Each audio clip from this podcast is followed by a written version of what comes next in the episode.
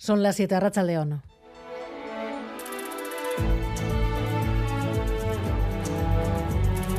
Gambara con Arancha García. Estamos en el sótano. La gente va a regresar a las sótanos. Es el ocho mes de la guerra. En este momento, ucranianos uh, tienen este hábito. Escuchamos estos misiles y después uh, vamos, porque es tan rápido físicamente bien, gracias a Dios, escondiéndose en, los sótanos, en los parkings. Muchos barrios ahora sé que no, no tienen agua, no tienen electricidad, muchísima rabia. Duele, duele mucho ver y la gente caras llenas de sangre. De nuevo, la población de Kiev vuelve a escuchar las bombas. La capital y ciudades de todo el país otra vez bajo el ataque de Rusia. Putin extiende la guerra a todo el país, zonas que no eran objetivo desde hace semanas, desde hace meses, y amenaza con nuevos bombardeos si Ucrania vuelve a atacar infraestructuras rusas como el puente con Crimea.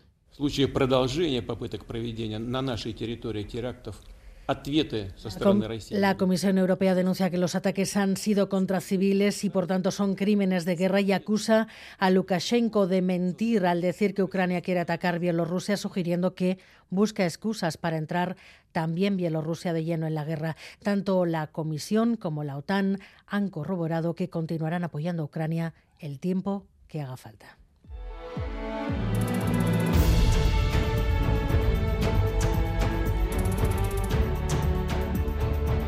25 paradas para ir de Durango a Donostia en tren, dos horas de viaje. Un ejemplo de los puntos negros del transporte público en Euskadi. David Beramendi. Sí, examinamos el transporte público. Es innegable su mejora en los últimos años, pero aún quedan casos sorprendentes. El viaje en tren entre Donostia y Bilbao dura dos horas y media. Siempre se nos ocurre el autobús porque lo del tren es inviable. No, imposible. Al final es muy largo. Supera las dos horas, pues no creo que sea muy normal. Otro caso, queremos viajar desde Durango a Donostia en Euskotren una hora y cincuenta minutos, en autobús más de dos horas. Parecido panorama desde Hermoa. Cada vez que tengo que ir desde Donostia Armoa, pues suelo ir en mi coche. Con suerte, si a la hora que voy cojo el autobús y llega hasta Hermoa, el que menos tarda, tarda una hora y diez minutos. Y luego está el caso de los pueblos pequeños. A Elosu, en Álava, no llega ningún autobús. aquí viene en, taxi, de transporte público, esto no hay. Estos tres casos y más, hoy en Gambara. En unos minutos y sobre la renovación del Poder Judicial.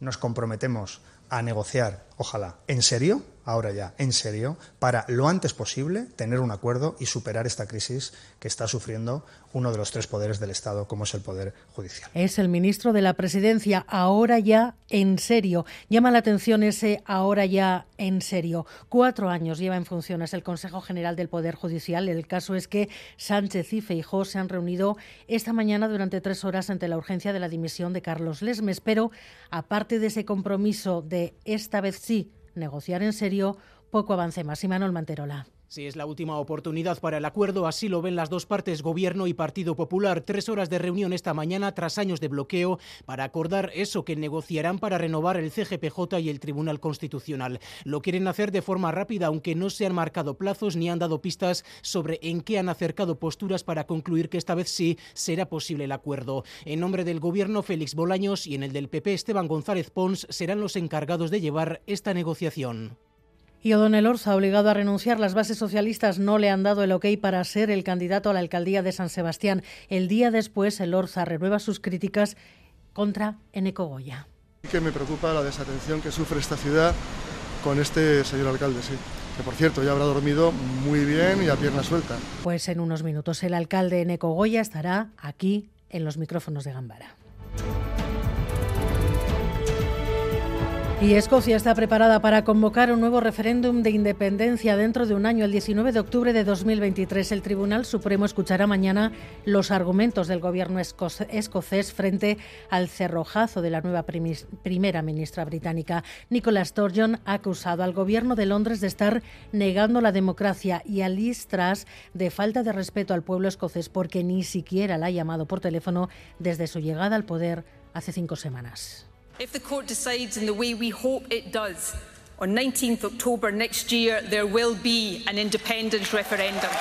Escocia que se mantiene en la fecha del 19 de octubre del año que viene para volver a preguntar a sus ciudadanos por la independencia. Y vamos ya con los deportes. Edu García, Racha León. ¿Qué tal, León? Con la vista puesta esta jornada de lunes en el partido de Ipurúa a las 9. El Eibar recibe al Mirandés para cerrar la novena jornada de Liga en Segunda División. Un Eibar que de momento cuenta sus partidos como local por victorias y que se enfrenta al penúltimo clasificado, así que en principio los puntos deberían quedarse en casa. Y un poquito antes, a las 8, en eh, una hora, lo Guernica, hablamos de baloncesto, va a arrancar la temporada liguera en casa ante el Leganés. No jugó la primera jornada el derby ante el Araski porque estaba enfrascado el equipo vitoriano en la Supercopa que disputó este fin de semana como local. Lo Intec que debuta en casa y que el miércoles va a sellar, a, cerrar, si no pasa nada, el pase a la fase de grupos de la Eurocup también en casa ante el Phantom. Bueno, pues estamos pendientes de ambos partidos.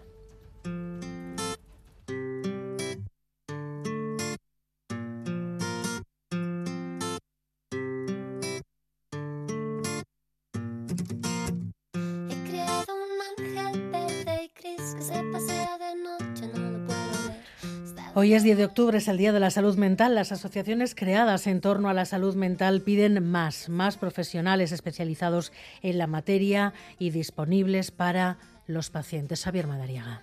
Así sonaban ayer las calles de Iruña.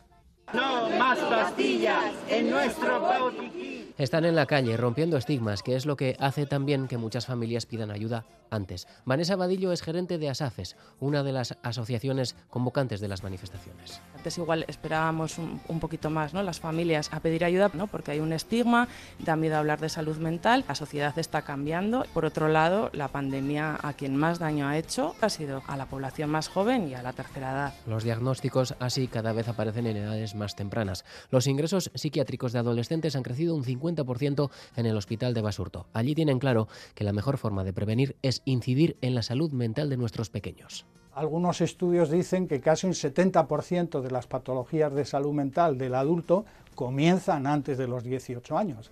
La psiquiatría del niño y del adolescente es la gran psiquiatría preventiva. Por eso, desde las asociaciones insisten en pedir todavía más personal especializado hay un déficit de, recursos no económicos sino profesionales. Entonces eso también está haciendo que, bueno, pues que muchas citas se, pospongan más del tiempo igual que, que, nos gustaría. Los datos no nos dejan mirar a otro lado. El 25% de las consultas de la atención primaria tienen que ver con ansiedad y depresión. Una de cada cuatro personas tendremos algún trastorno mental a lo largo de nuestras vidas.